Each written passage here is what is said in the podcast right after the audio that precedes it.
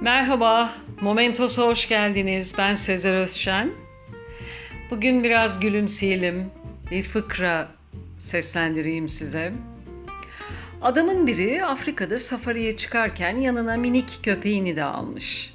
Minik köpek bir gün ormanda dolaşıp kelebekleri kovalar, çiçekleri koklarken kaybolduğunu fark etmiş. Ne yapacağını düşünürken bir de bakmış ki karşıdan bir leopar geliyor. Ve belli ki günlük yiyeceğini arıyor. Şimdi başım dertte diye düşünmüş minik köpek. Etrafına bakmış yerde kemik parçalarını görmüş. Hemen arkasını leoparın geldiği yere dönerek kemikleri kemirmeye başlamış.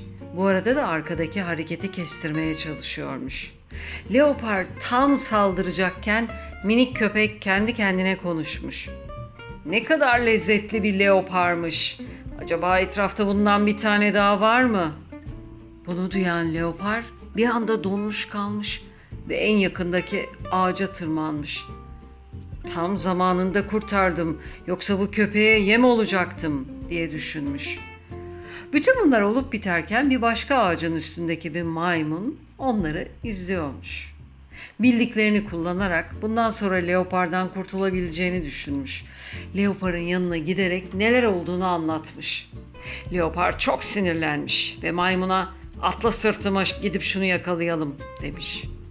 Ancak minik köpek neler olduğunu ve leoparın sırtında maymunla birlikte süratle kendisine yaklaştığını fark etmiş. Şimdi ne yapacağım diye düşünürken kaçmaya teşebbüs etmemiş. Bunun yerine arkasını leoparın geldiği yöne dönerek kemikleri kemirmeye devam etmiş. Tam leopar saldıracakken yine kendi kendine konuşmuş. Bu aptal maymun nerede kaldı? Yarım saat önce bir leopar daha getirsin diye gönderdim. Hala haber yok. Nasıl? Son derece akıllıca davranmış köpek.